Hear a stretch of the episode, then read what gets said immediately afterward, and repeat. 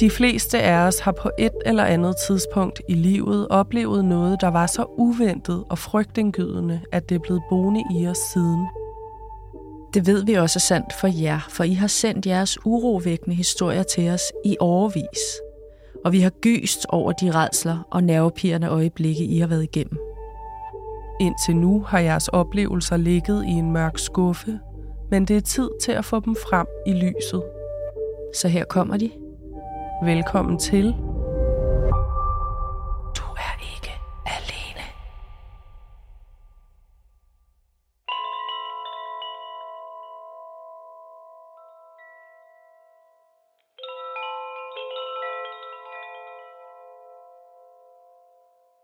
Camilla, Christine, vi har kaffe i kopperne, og jeg har en lighter i hånden, og jeg tænker, at det allerførste, vi skal, er lige at tænde det her sterinlys, der står imellem os.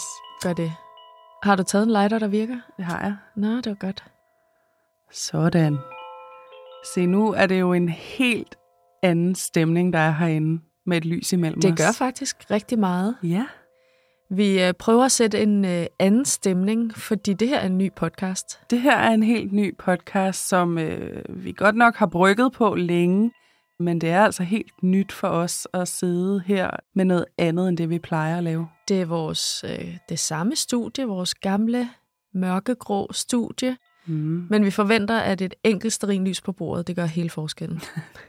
Ja, fordi det her afsnit, denne her podcast, denne her sæson af den her podcast, er ekstra mørk. Vi sidder jo klar. Vi har hver især fundet nogle historier frem fra indbakken. De sidste over fem år, der har I skrevet til os med jeres eget mørke, med uhyggelige oplevelser, med grofulde chok. Det er helt tosset, hvad der er kommet ind. Og det har jo kun været os, der har siddet og læst dem og har fået pulsen op og har været skræmt fra sans og samling. Ikke? Ja, de gys har vi siddet og delt med hinanden og tabt kæben over, hvad øh, der foregår derude. Og derfor tænkte vi jo pludselig, det fortjener et publikum. Det er nogle vilde historier. Og det er det, der skal ske. Det her, det er så øh, første sæson. Vi håber, der kommer en sæson 2, men det kræver, at der er nogen, der holder af at lytte med, og det kræver, at der er nogen, der sender nye fortællinger ind. Men allerførst så øh, er det det her afsnit, det hele handler om. Ja.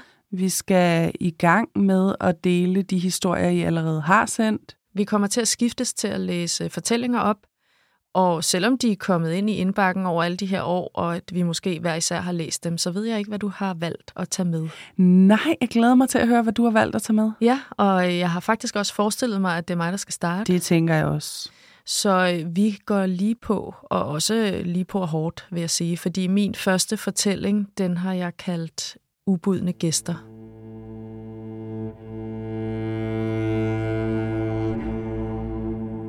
Jeg vil fortælle jer om en nat, der fik store konsekvenser for mig. Efter den nat besluttede jeg nemlig at rive alle væggene i min lejlighed ned. Det skete for 12 år siden. Jeg var lige flyttet ind i min nye lejlighed på Amager. Det var en stuelejlighed med udgang til en lille have. Jeg havde boet der i ganske kort tid, så jeg havde endnu ikke vendet mig til ejendommens lyde. Nogle nætter vågnede jeg, fordi der blev smækket hårdt med dørene ude på opgangen. Jeg tænkte, det var da utroligt så hårdt, der blev smækket med de døre. Men det er jo meget normalt, at man sover lettere, når man lige er flyttet ind et nyt sted. Det var en varm sommer, så de fleste nætter lod jeg de øverste små vinduer stå åbne. Nogle morgener stussede jeg over, at patienterne hang i uorden. I ved, som om, at det har blæst.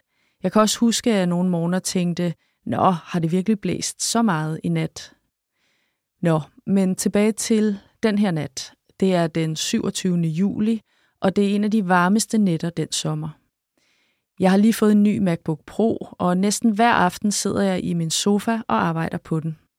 Jeg nyder, at døren ud til min lille have kan stå åben. Når mørket falder på, lukker jeg døren. Jeg har ikke fået nogen gardiner op endnu foran havedøren, så jeg får pludselig en klam fornemmelse af, der står nogen derude og kigger på mig. Den der fornemmelse, man kan få, hvor det prikker klamt i nakken et kort sekund. Jeg kigger ud mod haven, men på grund af spejlingen i ruden kunne jeg ikke se noget. Jeg bevæger mit hoved lidt frem og tilbage, men der er ikke nogen. Det er nok bare min fantasi og mig, der lige skal vende mig til at bo i stueetagen. Pludselig får jeg et slemt migræneanfald. Jeg har lidt af migræne i overvis, så jeg ved bare, når først jeg har det sådan, er der ikke noget at gøre. Så tager jeg en dobbeltdosis af min migrænemedicin. Jeg plejer at tage computeren med ind i sengen, men den her aften er jeg så udmattet, så jeg lader den bare ligge på sofaen. Det er ulideligt varmt, så jeg sover splitteravne nøgen, og jeg går ud som et lys på grund af min migræne og pillerne. Tidligere om morgenen vågner jeg af en lyd. Jeg er langt væk på grund af de piller, jeg har taget, men jeg er ikke i tvivl om, at lyden kommer inden fra lejligheden. Mm. Med et af jeg vågen. For enden af min seng står en mand og kigger på mig. Nej. Min lejlighed er meget lille, så der er måske en meter fra min seng og hen til hoveddøren. Han står og piller ved låsen for at komme ud. Låsen kræver et særligt vrid for at gå op. Det er den lyd, jeg er vågnet af. Klokken er omkring halv seks om morgenen, så det er helt lyst, så jeg kan tydeligt se ham. Jeg får råbt efter ham. Hvem fanden er du? Hvad laver du her? Han får døren op og smækker den hårdt i efter sig. Lige der. Den lyd. Jeg kender den. Det er det, jeg har hørt om natten. Nej, Flere nej. gange. Så han har været der før. Jeg bliver grebet af raseri og løber gennem min stue og flår havedøren op. Jeg er stadig splitter nøgen, men jeg er ligeglad. Jeg styrter ud i haven og ser ham springe op på en cykel med min MacBook Pro under armen. Jeg løber efter ham og skriger alt, hvad jeg kan. Fuck dig, du har stjålet min computer. Han vender sig om og ser mig direkte ind i øjnene og råber så efter mig. Det er kraftstejl med din egen skyld, og så er han væk. Jeg er i panik og vælter ind og finder min telefon og ringer til politiet. Der står fire betjente i min stue i løbet af ingen tid. De tager mig meget seriøst. For en gang skyld er der nogle lækre mænd i min lejlighed, og her står jeg så helt ude af den og med stridthår og morgenånden. De har hunden med, og der er teknikere, de leder efter fingeraftryk, DNA-prøver, alt muligt. Han har taget computeren, altså den lå jo i hendes seng. Nej, den lå i sofaen. Øh, den Nå, hun her, lå ja, den hun lige havde, i sofaen. Ja, hun havde ladet den ligge i sofaen. Han har ikke været nede og rode ved hendes fødder. Ja, lad os se, hvad hun øh, skriver. Da politiet har gennemgået hele mit hjem, fortæller de mig noget virkelig foruroligende.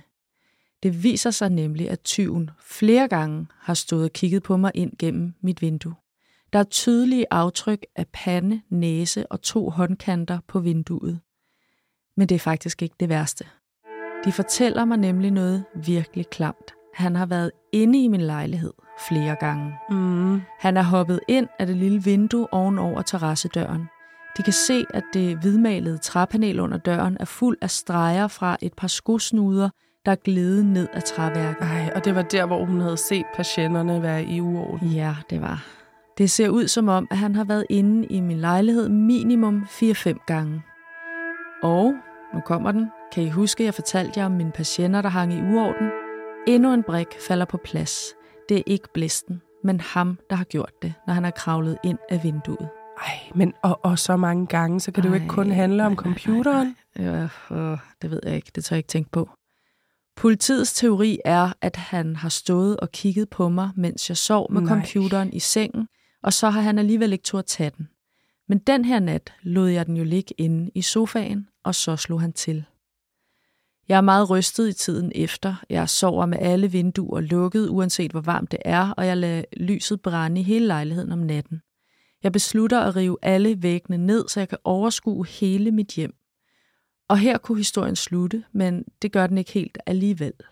For nogle uger senere sidder jeg ude i min have. Så går der en mand forbi og stikker hånden ind i haven og siger, giver du ikke en skilling til en hjemløs? Jeg kigger op, og det er ham. Jeg råber efter ham, du har da vist sørget for dig selv. Han skynder sig videre, og jeg tror ikke, han kunne genkende mig. Ej, men hvad? Han må da vide, hvor det er, hvis han har været der flere gange.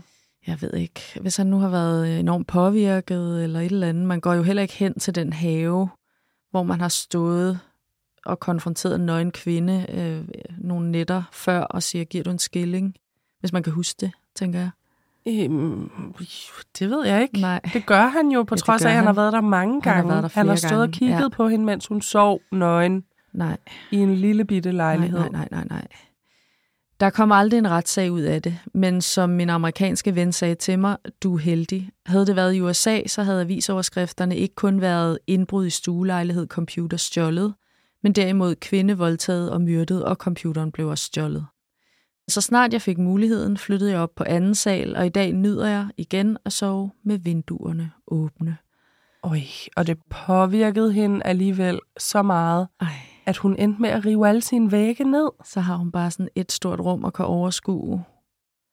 Ej, prøv lige at forestille dig den redsel, når man hører lyden, som man genkender. Fuck, der var den. Der var lyden.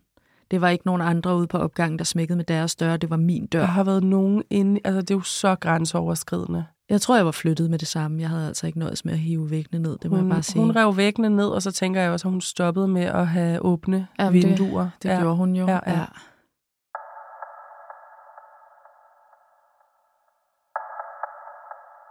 Denne her hedder en creepy aftentur, og det er Camilla, ikke dig, en anden Camilla, der har sendt den. Hej Camilla og Christine. Jeg vil gerne dele en creepy oplevelse med jer, som jeg havde for nogle uger siden. Jeg var ude at gå en sen aftentur. Klokken var mellem 22 og 23 om aftenen. Jeg havde taget Mørkeland i ørerne, fordi hvorfor ikke høre nogle uhyggelige fortællinger om mor, mens man går i mørket. Alene gennem små, øde gader. Jeg syntes, det var en glimrende idé, lige indtil det ikke var det mere. Jeg går ned ad sidegaden til den vej, jeg bor på. Vejen er lille, smal og meget mørk, kun oplyst af nogle få gadelygter. Jeg har gået her tusind gange før, så selvom det egentlig er en creepy gade at gå på alene, når det er mørkt, så var jeg så opslugt af at høre Mørkeland, at jeg ikke var bange. Jeg holdt mig dog til at gå under gadelygterne, for så ville jeg hurtigt kunne se en skygge, hvis nogen fulgte efter mig. Man bliver vel lidt småparanoid af at høre så meget krimi. Så hun siger, hun ikke var bange, men det lurede alligevel Den i lå lige i baghovedet. baghovedet. Jeg passerer først en gadelygte, så den næste. Men da jeg så er lige under lyskejlen på den tredje, sker det. Den går pludselig ud. Det bliver mørkt lige der, hvor jeg står. Forestil jer lige min følelse samtidig med, at jeg har mørkeland i ørerne. Det er den der fornemmelse af, at ens blod fryser til is på et split sekund. Creepy as fuck. Mit hjerte står helt stille for derefter at hamre afsted. Jeg spurter alt, hvad jeg kan resten af turen hjem. Siden den aften har jeg kun nyt jeres fantastiske podcast i dagslys. Men hun kunne godt lytte videre i mørket. Der skete jo ikke noget. Der skete Ej, ikke noget. Det gjorde er der også, lidt Det er alligevel. en vild timing. Det er det bare. Det er da en helt langt ude timing. Lige præcis som hun står under den eneste lyskejle i området. Så går den ud. Og prøv at høre, mørke er bare... Det er bare uhyggeligt. Og men det er også som om, nogen kigger på mig. Ej. Altså, det er nogen, der gør det her ved Ja. mig, ikke? Ja. Det skulle jeg ikke nyde noget af i mørket Nej. alene. Nej, tak. Øh, faktisk så hedder min næste historie Nogen i mørket. Oh, ja.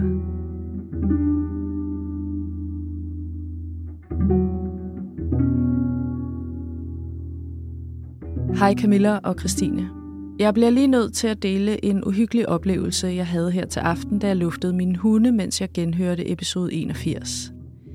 Jeg bor i Nordsjælland i et ret øde område med en masse marker og træer. Jeg har to store slædehunde, en hanhund på 48 kilo og en tæve på 31 kilo. Lad os kalde dem Koda og Luna. Så jeg føler mig altid meget tryg, selvom jeg går alene rundt i øde mennesketomme områder. Der skal jo alligevel noget til, før nogen tør lægge sig ud med to hunde i den størrelse. Her til aften luftede jeg dem et sted, hvor jeg ofte færdes med dem. Det er en plantage med skov og marker. Det er meget dyrerigt, og området bliver brugt til jagt. Området er bælragende mørkt, så jeg går rundt med en pandelampe, så jeg kan se bare en lille smule, og så jeg ikke træder på noget eller snubler. Pludselig stopper min hund op. Jeg ser noget bevæge sig hurtigt, og jeg er sikker på, det ikke er et dyr. Begge hunde sænker hovedet, rejser børster, knurrer, og derefter går de amok. De gør og gør, som jeg aldrig før har hørt dem. De hiver i snoren, og jeg småløber efter dem over en længere strækning med træer og krat. Så bliver jeg sgu en anelse klam i håndfladerne.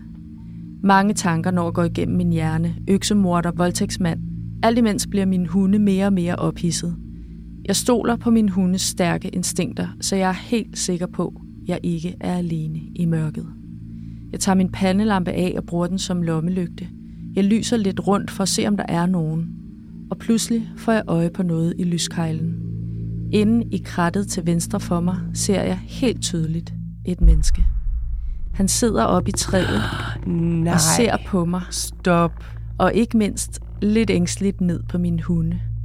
Mit hjerte står stille lige der, men jeg bliver nødt til at finde ud af, hvad den person laver.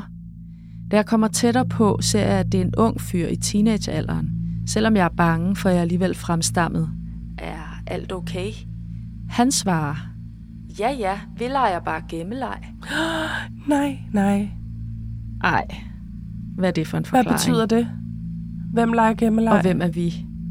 Og du gemmer dig overhovedet ikke. Du sidder... Nej, hvad er det for en forklaring?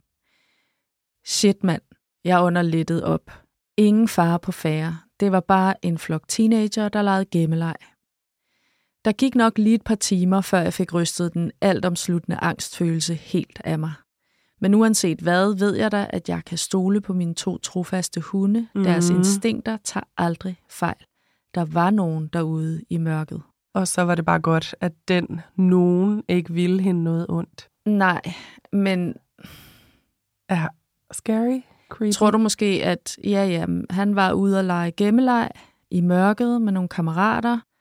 At vi har alle sammen lavet helt åndssvage ting i mørket altså, med vores kammerater. øh, Det vil jeg da håbe. Og så kravlede han op i det der træ, fordi at nu var der altså to store hunde efter ham. Nej, det tror jeg ikke. Jeg håber da, at øh, det var korrekt. Men hun så ham jo også løbe. Ja. Altså hun så nogle bevæge sig Men hurtigt. det er derfor, jeg siger, at det håber jeg øh, hmm. er rigtigt, at han legede gemmeleg med nogen, en Ja. stor dreng. Hvis det var dig, der legede gemmeleg ude i skoven, er du så ikke sød lige at give dig til kende. ja. Jeg vil gerne lige høre fra dig, at du øh, havde øh, rene intentioner. Ja, prøv at høre, vi vil faktisk gerne lige høre din uhyggelige historie, fordi hvis han bare er ude og lege gemmeleg i en skov, og pludselig bliver jagtet af to store hunde, så vil jeg gerne høre den anden historie. Den omvendte, ja Ja. tak. Ja. Denne her anden historie, jeg har med, den er længere, og det er en af de lidt mere alvorlige. Den hedder Bortført i Chicago, og det er C, der har sendt den her besked. Hej I to. Jeg vil lige sige, at jeg med stor fornøjelse har hørt jeres podcast gennem længere tid. Meget spændende. Men jeg lytter også med afsky, for det er skræmmende, at verden er sådan, og det ville være bedre, hvis alle de historier, I fortæller, ikke fandtes. Og det har du jo ret i. Jeg kan huske, at I fortalte, at flere har skrevet til jer, at de begyndte at kigge sig over skulderen efter at have hørt jeres podcast. Den effekt har jeres historier ikke haft på mig. Tværtimod, jeg har været udsat for noget på en ferie, hvor jeg konstant tænkte, jeg skal dele med ikke ende som en historie i Mørkeland. De tanker fik mig til at finde nogle indre kræfter frem i mig selv, som jeg ikke vidste, jeg havde. Måske tænker I, hvorfor jeg troede, jeg kunne havne som en historie i Mørkeland. Det er der en meget simpel grund til. Jeg blev nemlig taget ind i en bil, kørt langt væk og tvunget ned i en klam kælder. Nej, alt det, vi frygter allermest. Ja, jeg begynder lige fra starten. Jeg befandt mig i Chicago, hvor jeg tidligere har boet og arbejdet i forbindelse med min uddannelse, og jeg var taget på ferie for at være sammen med mine veninder. Denne her aften skulle vi hygge og senere ud i byen. Vi mødtes hos min ene veninde, og det var også her, jeg boede, mens jeg var på ferie. Vi bestilte mad og drak White Claws, det er en slags cider eller sommersby. I Chicago joker man med, at man kun er ægte amerikaner, hvis man drikker White Claw. Vi hyggede og hørte musik fra starten nullerne. Jeg kan huske, at vi blandt andet hørte Right Here med Brandy. Da klokken bliver omkring 23.30, tager vi ind til det område, der hedder Wicker Park. Det er et område, vi er kommet meget i og kender godt. Der er masser af barer og fede butikker. Det er sådan lidt et hipster-kvarter, lidt ligesom Vesterbro i København. Vi ankommer til den der bar, vi har besluttet, vi skal ind på, og der er lang kø.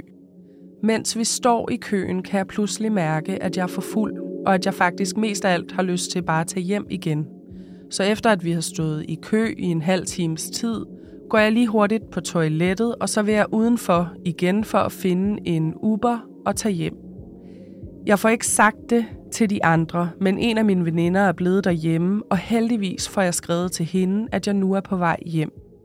Jeg kommer ud fra baren, der er proppet med mennesker, så går jeg lidt væk fra baren og op til en større vej. Mens jeg med stort besvær på grund af min promille prøver at bestille en Uber, kommer der en mand op til mig. Han tager fat i min arm og skubber mig ind i sin bil. Jeg forstår ikke rigtigt, hvad der foregår. Han spørger efter min adresse, og jeg når at tænke, at det faktisk er en Uber, jeg har bestilt. Men han kører mig ikke til den adresse, jeg har sagt. Der er mindre end 10 minutters kørsel fra baren og hjem til lejligheden, hvor min veninde venter på mig. Så da jeg ikke er kommet hjem efter cirka et kvarter, skriver hun til mig, hvor jeg er. Det er i det øjeblik, at følelsen af ædruhed rammer mig, fordi jeg godt ved, at det her kan ende galt. Jeg er redselslagen, men det skal min bortfører ikke vide. Jeg spiller selvsikker, og jeg spørger ham igen og igen, hvor vi skal hen. Han svarer ikke, men skruer i stedet op for musikken, mens vi kører længere og længere væk. Nej. Det er et mareridt. Han sidder og synger med på musikken, og den playliste, han har sat på, er udelukkende kærlighedssange og sange, der handler om sex. Jeg kan huske, at vi hørte Chris Brown, og at han sang noget i retningen af Fuck You Back to Sleep Girl. En af de ting, jeg faktisk har tænkt meget over bagefter, er, hvor anderledes han var, end hvad man normalt forestiller sig, sådan en mand vil være. Jeg vil nok forestille mig ham som en dyster, ond og sur person. Måske får man det billede fra filmen. Men sådan var han slet ikke. Han opførte sig positivt og glad og prøvede at skabe en god stemning og sang med på musikken. Men stemningen var langt fra god inde i mig, mens vi kørte længere og længere væk fra centrum. Vi kørte nok i cirka 45 minutter, og jeg kan godt se, at vi er i det virkelig skidt kvarter, da han standser bilen. Det, man skal vide om Chicago, er, at byen er meget opdelt. Der er centrum og hele den nordlige del af byen, som er mere velhavende, og så er der The Suburbs, som også er fint nok. Chicago South Side derimod er mere skummel. Der er en tommelfingerregel, der hedder, at man skal vende om, når gadelygterne begynder at have numre, og vi stopper først ved 73. gade. Det er et område, som politiet knap nok tør komme i, og det er kun særligt udvalgte betjente, der patruljerer her. Jeg ved, at mine chancer for at overleve, hvis jeg flygter fra ham, formentlig er mindre, end hvis jeg bliver.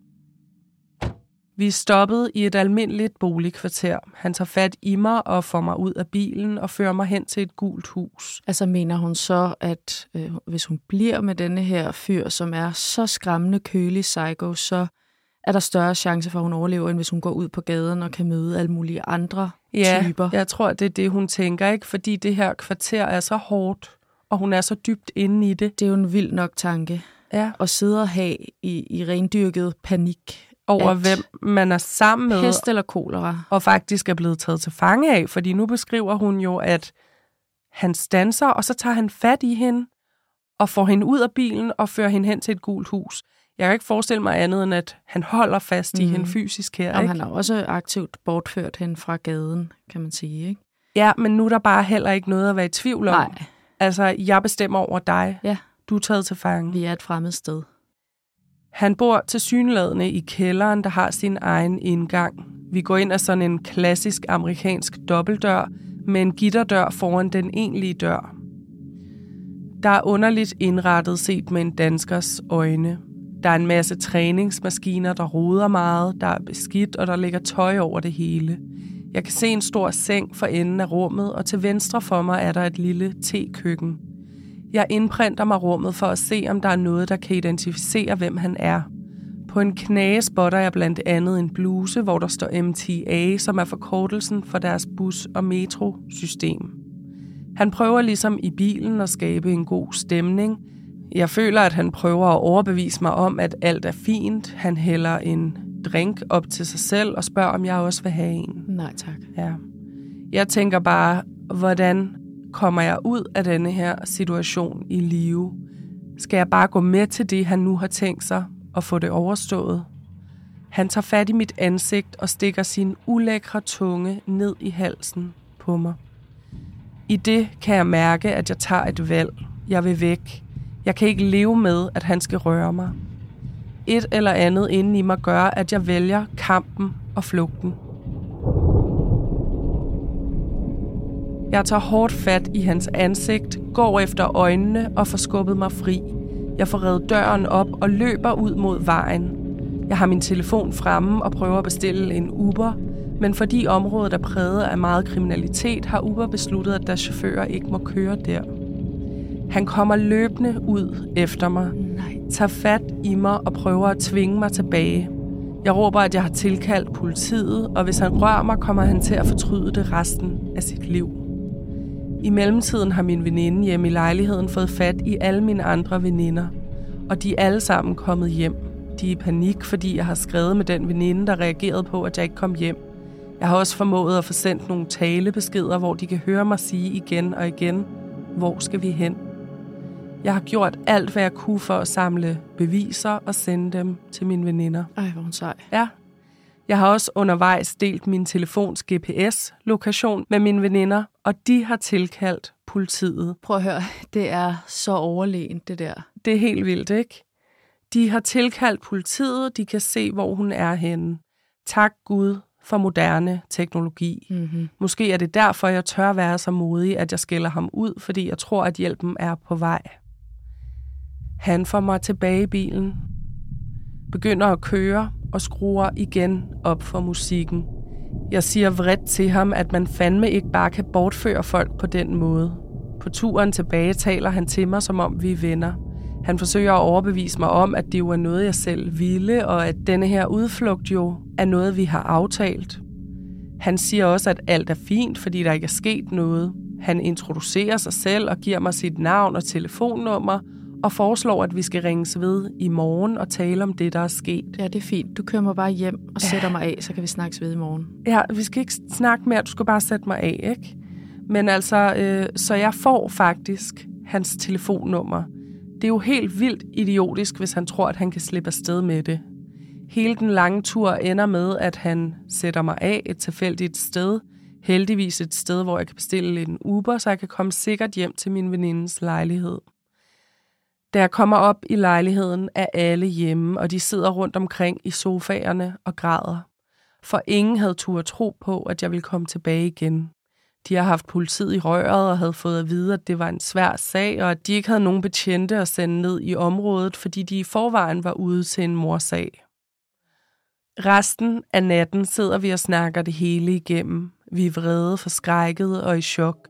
Jeg føler med det samme en stor skyld over, at de alle sammen har været så oprevet, nu hvor der ikke er sket mig noget. Langt ud på natten tager nogle af pigerne hjem, og det lykkes mig faktisk at få lidt søvn. Næste morgen har jeg stadig tre dage tilbage af min ferie i Chicago, og jeg har det mærkeligt. Jeg er paranoid, jeg føler, at jeg ser ham overalt, og jeg tænker hele tiden på, at han kan komme hjem til lejligheden når som helst, fordi han kender adressen. Jeg føler også, at alle kigger mærkeligt på mig. Jeg kæmper med min skyldfølelse, både over, at jeg har drukket mig for fuld, og også over, at jeg et kort øjeblik overvejede, om jeg skulle redde mit liv ved at samtykke til sex med ham. Jeg er også bange for, at jeg har overreageret, fordi der jo faktisk ikke er sket mig noget fysisk. Derfor afviser jeg, da mine veninder presser på for, at jeg skal anmelde ham til politiet. Jeg er også bange for, om politiet vil tage mig seriøst, for sådan nogle sager ender ofte med påstand mod påstand, hvor kvinder bliver udstillet som naive og som om de selv er skyld i det. Jeg vil bare gerne hjem til Danmark igen og glemme det hele. Jeg får det faktisk også bedre, da jeg er hjemme igen, fordi jeg ved, at han ikke kan finde mig her.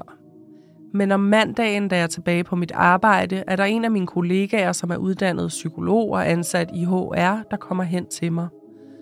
Hun spørger mig, hvad der er sket på min ferie, og jeg siger, at jeg ikke har lyst til at tale om det. Hun svarer insisterende, din gnist i øjnene er væk. Der er sket noget på den ferie i Chicago. Hun booker mig et møde om eftermiddagen på et tidspunkt, hvor alle andre er gået hjem, og så får hun mig til at fortælle alt, hvad der er sket. Det samme sker utallige eftermiddage i de næste mange uger, og det har været en kæmpe hjælp. Vi har talt flere passager igennem igen og igen, og hun har hjulpet mig med at slippe min skyldfølelse. Hmm. Hun har været en kæmpe hjælp, og grunden til, at jeg har fået det hele bearbejdet. Hun har også hjulpet mig med at oprette en politisag, fordi jeg indså, at selvom jeg slap levende derfra, og heller ikke blev voldtaget, så ved man aldrig, om den næste kvinde er lige så heldig, som jeg var. Da jeg anmeldte det, tog politiet det heldigvis meget seriøst, og de har været rigtig forstående i forhold til min hullede hukommelse. Siden har jeg tænkt meget over, hvad hans plan var. Håbede han, at han kunne narre eller skræmme mig til sex? Jeg har også tænkt på, hvor planlagt det virkede med hans sexlavede playliste klar i bilen. Måske lidt makabert, men jeg kunne ikke lade være med at google, hvad der var sket i Chicago den weekend. Der var anmeldt syv andre bortførsler og tre mor. Wow. Ja. Det er en, altså, det er en stor og dejlig, men farlig by. I er velkomne til at nævne episoden, fordi jeg føler, at det er så vigtigt at dele de gode slutninger, da disse måske kan hjælpe bare en til at komme bedre ud af en dårlig situation, fordi de hører om håb og finder styrke. Derudover er det terapi for mig at få talt ud om det. Jeg synes også, det er uhyre vigtigt at tale om den skyldfølelse, som denne her slags situationer medfører. Rent logisk er det selvfølgelig ikke folks egen skyld, men det er svært at fortælle sig selv. Jeg var skuffet over, at jeg havde lavet det ske, og det er jo helt forkert, for sådan noget skal ikke ske, og det var ikke min skyld. Så stort opråb til alle, det er ikke din skyld, at en person udnytter dig i en situation, hvor du er sårbar. Mm-hmm. Tak for det, I laver. Det sætter mange ting i perspektiv. Mange hilsner. Uh. Altså, der skal jo deles medaljer ud. Der skal deles medaljer ud til hende, fordi hun er pisse sej. Hun var det i situationen, og hun har også været det bagefter. Ja. Og så skal der også en medalje afsted til den HR-medarbejder. Som så, at der var noget, der var helt galt, som den eneste. Og turde reagere på det. Altså, Ja. øh, insisteret. mig, jeg insisterer lige på at ødelægge den gode stemning her. Du ser sgu ikke okay ud. Du øh, må fortælle mig, hvad Ja. der foregår, ikke? Ja. Og så tager samtalen med hende igen og igen Ja. og igen og igen. Ja. Så hun kan få det vendt og drejet, for det sad jo fast på en mm. eller anden Mm. måde. Ja. Hun følte skyld og skam. Det kan jeg jo godt forstå. Tænk at føle skam over at være blevet bortført. Men, men jeg kan godt... jeg kan også godt sætte mig ind i Jamen, det, det kan faktisk. Men det er jo også rigtigt, at det er jo helt forkert. Ja. For der er jo kun én, der er skyld i, Mm. at det her skete. Og hvad var hans plan? Man kan udnytte mennesker, hvis man vil. Ja. Ikke? Det kan man jo. Og, men det er jo ikke dem, der er problemet. Nej. Hvad var hans plan? Ja, altså, det tror jeg godt, vi øhm, ved, ikke? Og så, øh, så kæmpede hun for meget Han imod, tænkte, og det var det rigtige at gøre der. I den situation, der er også situationer, hvor det rigtige at gøre er at lade det ske. Det er bare ikke til at vide. Øh, Nej, og det var det, Vel? hun også kæmpede med. Ikke? Ja. Hvad, hvad, hvilket udfald, altså på hvilken måde overlever jeg det her? Mm. Skal jeg gå den vej eller den vej? Mm. Og så fik hun helt fysisk taget fat i ham og skubbet ham fra sig og løbet ud Men altså, han er jo ikke... og væk. Jeg får lyst til at sige, at han er ikke rask. Ikke? Men Nej. det ved jeg ikke en skid om. Men det er jo ekstra skræmmende, det der med at sidde i sådan en situation, og ja, man har en forventning om, at de, øh, sådan en person er dyster og mørk og skræmmende. Og så synes jeg faktisk, det bliver mere skræmmende, når det så er en, der sidder og slet ikke er påvirket og er let Mhm. og lys, som om Og lader som om, at der ikke er fare på færre. alt er i orden her, ikke? Samtidig med, at hun decideret er taget til fange. Plus, men det var måske altså, hans fremgangsmåde, ikke? Fordi så kan det være, at man i krisesituationen begynder at tvivle så meget på sin Ja, opfattelse eller på sin det er jo faktisk manipulation. Det er jo det, det er. Vent, hvad sagde jeg ja til at komme med ind i bilen? Eller, fordi hvorfor Er jeg opfører han sig ellers fare? sådan? Ikke? Hjælper Ja. han mig bare? Nej, vild, vild, vild historie, altså. Ja, tak for Nej, den. det er jo så skræmmende, og hvor var det godt, at det endte, som det gjorde. Ja, det var det virkelig. Selvom det stadig var tungt at Meget voldsomt. på den anden side. Ja. Tak for den. Jeg går i en anden retning med øh, denne her. Min sidste historie for i dag. Jeg kalder den brusebadet. Mm. Kære Mørkeland, tak for en masse timers underholdning af forskellige skræmmende karakterer. I har begge en dejlig fortællerstemme, så jeg nyder at sætte et afsnit af Mørkeland på. Jeg har dog fundet ud af, at der er tidspunkter, jeg ikke skal lytte til jer. Der skete nemlig noget virkelig uhyggeligt for nogle uger siden, da jeg var i bad. Så der lytter jeg ikke til jer længere. Den lejlighed, jeg bor i, er ret lyt. Jeg hører ofte underlige lyde, og det sker kun ude på badeværelset. Det lyder som om, at nogen stikker en nøgle i døren og tager i håndtaget. Jeg synes også, at jeg kan høre børnesnak. Derfor tror jeg ofte, at jeg hører børnene komme hjem, når jeg er i bad. Jeg har flere gange nævnt det for min mand, men jeg har ligesom kunne fornemme, at han ikke troede på mig, indtil han en dag selv hørte det. Netop på grund af de lyde sikrer jeg mig altid, at døren er låst, før jeg går i bad. Denne her dag dobbelttjekker jeg badeværelsesdøren, fordi jeg ikke kan huske, om jeg har låst hoveddøren. Jeg sætter mørkeland på, og I fortæller om en røvuhyggelig historie, så jeg er helt fyldt op af gys inden under bruseren. Da jeg er ved at være færdig med mit bad, stikker jeg hovedet ud af brusenischen for at få fat i mit håndklæde. Shit, jeg får et kæmpe, stort chok. Jeg ser en person. På badeværelset? Mit hjerte hamrer, og jeg kigger instinktivt hen på døren med det samme for at tjekke, om den er låst. Men et splitsekund efter går det op for mig. Det er mine sorte strømpebukser, jeg ser. Jeg havde glemt, at jeg havde hængt dem til tørre aften før. Selvom der ikke er nogen, så hammer mit hjerte af. Det løber mig koldt ned ad ryggen, og jeg får så mange kuldegysninger, at jeg føler mig helt i panik. Så går det op for mig, at hoveddøren alligevel ikke er låst.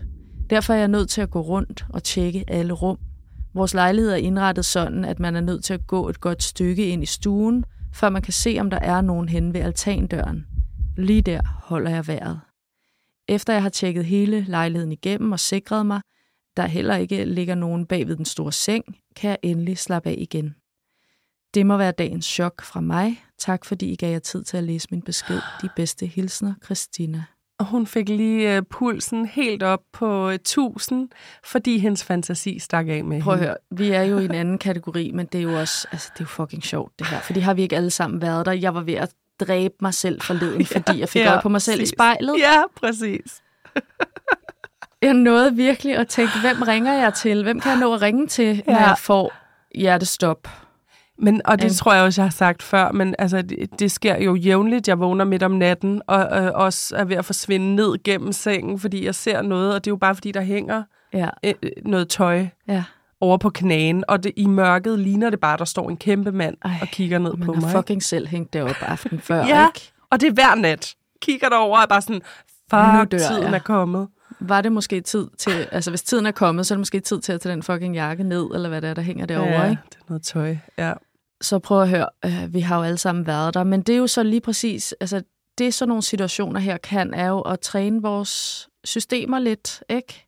Til, hvis der er noget, der sker rigtigt en dag. Det virker stadig. Det virker stadig. Ja, Mit nervesystem ikke. virker stadig. Ja. Det reagerer flux på fare. Prøv at høre, jeg tror altså bare, at jeg vil reagere meget anderledes på en virkelig farlig situation, og så den måde, man tror, man skal dø på, når man får øje på sig selv i spejlet lad være med at indsætte en joke her om, hvordan jeg ser ud i spejlet. Det er chokket, det gælder. Øh, men ja, lidt anden øh, genre. Men prøv at høre, jeg kan jo så meget se hende for mig rende igennem hele lejligheden i panik og tjekke under sengen og øh, bag ved døren og jeg ved ikke hvad, ikke? Præcis. Det værste, det er bare lige det der splitsekund, hvor øh, man ser det, man tror er farligt. Hjernen mm. har stadig ikke registreret, hvad det er, men man er ved at bryde sammen. Jo, jo, og så er det jo det, det, så det sidder i kroppen så lang tid ja. efter, så du kan ikke fortælle din krop, faren er blæst over. Nej, nej. Falsk alarm. Nej, nej, det tager noget tid. Og altså, jeg har især, hvis, øh, altså det sker heldigvis ikke særlig tit, men der kan være en eller anden grund til, at man går i mørket på gaden, og lige har lidt mere fart på op ad trappen og lukker døren, ikke? Og så skulle man jo tro, puha, nu er hoveddøren lukket. Og sådan har jeg det også lidt, men ved de lejligheder, så går jeg lige en runde. Jeg ja. skal lige om bag badeforhænget. Det er den eneste måde at få beroliget nervesystemet på. Ja. Det er at finde kontrol i. Og jeg vide. har tjekket, der er ikke noget. Ja. ja, ja, men det er jo det der med at skinne lyset på det, der virker farligt. Ikke? Kig under sengen, kig ind i skabet. Tænd lyset. Alt er godt. Tænd ja. lyset. Ja. Vi skal lige tilbage til det mere alvorstunge med min sidste historie, som er fra X. Da jeg hørte afsnit 70 om Danmarks første og eneste skoleskyderi, kom jeg til at tænke på en oplevelse i min gymnasietid, der virkelig rystede mig, og som relaterer sig til afsnittet. Jeg gik i gymnasiet i perioden 2016 til 2019. Jeg husker datoen meget tydeligt. Det var den 26. november 2018, og klokken har vel været omkring 12.30. Vi sidder midt i en samfundsfagstime. Lige pludselig lyder der en kvindestemme i højtalerne. Det er fra kontoret. Hun siger, Der er en blå kode. I bedes forholde jer i ro. Lås og barrikader dørene. Lås og barrikader dørene. Hvad er kode blå? Stop. Det er bare ikke en besked, man vil høre over et samtaleanlæg, vel? Alle os elever ser i det samme vores lærer stivne af skræk. Der er frygt i hans øjne, og han virker helt lamslået et øjeblik. Han går dog målrettet hen og låser døren ind til klasselokalet. Han beder os om at samle alle bordene og lægge dem ned, så vi kan barrikadere døren, som der blev sagt over højtaleren. Vi gør, hvad han siger, men spørger selvfølgelig nysgerrigt ind til, hvad der er galt. Han forklarer, at kode blå betyder, at der er et skoleskyderi. Nej. Vi kigger alle meget panisk på hinanden og dukker os for vinduerne, og efter vi er færdige med at barrikadere døren, lægger vi os alle sammen ned på gulvet. Vores lærer ligger og knuger sin telefon, hvor han har et billede af sine to små sønner. Det er et af de billeder, der står mest klart for mit indre øje den dag i dag. Det viser sig, at der er en idrætslærer, der har slået alarm. Han har kigget ud af vinduet og set en gruppe drenge eller mænd, nogle af dem meget høje i hvert fald, med elefanthuer trukket ned over hovederne, og flere af dem med pistoler i hænderne. Mens vi ligger der, flyver tankerne gennem hovedet på mig. Minutterne snegler sig afsted, og vi ligger og venter på, at lige om lidt går døren måske op, og så kommer der en person ind og skyder løs på os. Vi tror faktisk, vi skal dø. Mm. Vi ligger på gulvet i klasselokalet i 20 minutter, og det føltes som de længste 20 minutter i mit liv. Endelig lyder stemmen i højtalerne igen. Hun fortæller, at politiet er ankommet, skolen er ryddet, og det viser sig, at det var falsk alarm. Mm. Lige efter alarmen blev afblæst, fik vi denne her besked fra vores vicerektor. Kære alle, det viste sig, at det var udklædning til optagelser til en musikvideo i danskundervisningen, der var årsag til den episode, vi lige har oplevet. De elever, der havde klædt sig ud, er meget kede af, at de har været årsag til, at vi alle måtte barrikadere os. Politiet var meget hurtigt fremme på skolen og roste os for at have handlet helt korrekt i denne situation. Vi håber naturligvis, at vi aldrig kommer til at opleve noget lignende igen, men kan se, at alle agerede helt korrekt i situationen. Med venlig hilsen, øh, og så navnet på vicerektoren. Mm. To dage efter kom politiet op på vores skole for at tale med os om sagen, og ikke mindst for at tilbyde os psykologhjælp. Og det tror jeg var meget godt for os alle sammen. For efter denne her oplevelse talte vi meget om vores forældres reaktion. For de var jo alle sammen sådan, ej, ej, det var da haha, ej, en sjov misforståelse, eller, nå ja, men der skete jo ikke noget. Det husker jeg som ekstremt frustrerende, eftersom at vi alle sammen havde ligget der på gulvet og frygtet det værste i over 20 minutter. Mm. Til sidst vil jeg blot sige tak for et super fedt program. Jeg synes virkelig, I takler sagerne virkelig flot og respektfuldt. Rigtig glædelige lytterhilsner fra X. Jeg tror bare ikke, at din krop kan kende forskel, vel? Altså, Nej. de har oplevet det i 20 minutter. Det Ja. er sket. Ja. Ja. Og de troede, de skulle dø. De troede, de skulle Og- dø og i det 20 bliver- minutter. det Det, bliver lærer ikke- sig jo i Det kroppen. bliver ikke ændret af, at du så bagefter finder ud af, der var ikke nogen fare på færre. Nej, så lige præcis med sådan noget kan man jo ikke bare sige pew, og, og så bare Så fortsætte vi. sin dag. Så sletter vi det, der skete, fordi Nej. det skete ikke på den måde alligevel. Det kan man ikke. Den lærer har stadig ligget og kigget på Den billedet af sine lærer. børn og troet, Ja. at han aldrig skulle se dem igen. De unge mennesker har stadig ligget på gulvet og, øh, og tænkt over, at det her var deres sidste time. Ikke? Om lidt går døren op, Ja. og så er der nogen, der bare går i gang med at skyde på os, Ja. og vi er fuldstændig forsvarsløse. Så øh, godt, at skolen tog det alvorligt, og politiet tog det alvorligt, og der var mulighed for krisehjælp, fordi der er der en god bunke, jeg ved ikke, hvor mange hundrede unge mennesker, der er på sådan en skole, sådan en, en øh, PTSD. Der må være blevet vildt skole. påvirket af det her, og, ja. og, og det er jo tydeligt ved, at det her skete for flere år siden, Ja. men hun kan huske hver en detalje. Hun Ja. har sendt det til os, ikke? Mm-hmm. Hun troede, hun skulle dø i det øjeblik. Ja. Det er jo så hæftig en oplevelse. Din krop har allerede lige oplevet, at den skulle dø. Ja. Ikke? Ja, ja. Det sætter sig fast. Og så endnu mere jo i sådan en situation her, øh, hvor, hvor der er intet, der fortæller dig, at det ikke er ægte. Nej. Det bliver bare ved og ved og ved chokket, Og ikke? det er ægte i 20 minutter. Ja, Ikke? ja, ja. Og ja, altså, Sindssyg situation. Sindssyg. man kan godt sidde og tænke, hvad helvede forestillede I jer at rende rundt med masker og, øh, og lege skydevåben, som ligner rigtige skydevåben, og ikke lige melde ud. Men det var, de havde jo ikke forestillet sig det her, vel? Nej, og der er vi bare i Danmark, hvor det gør man bare, haha. Ja. Øh, og det er der jo så nogen, der har set ud af vinduet og har taget alvorligt og tænkt, hvad fuck Ja. er det, jeg kigger på? Ja. Mænd med elefanthuer og pistoler. Jamen, hvad skulle de ellers gøre? Åbne Ja. vinduet og råbe, hey, Hey, er det jer, Niklas og Lav? er det virkeligt, eller... Er det for sjov, eller er det ikke? Nej, det gør man jo ikke. Nej. Puha. Fuck, var en sindssyg historie. Ja. Det var jo de historier, vi simpelthen havde valgt at tage med i det her første afsnit. Ej, skal vi ikke fortsætte lidt længere? Jamen, vi har flere. Vi er lige så godt i gang. Ikke? Vi har flere, og der kommer andre historier næste gang. Ja, vi tænker jo, at vi øh, udkommer en gang om ugen, Mm, så Ja. længe sæson haves. så, læ- så længe afsnit haves. Ja.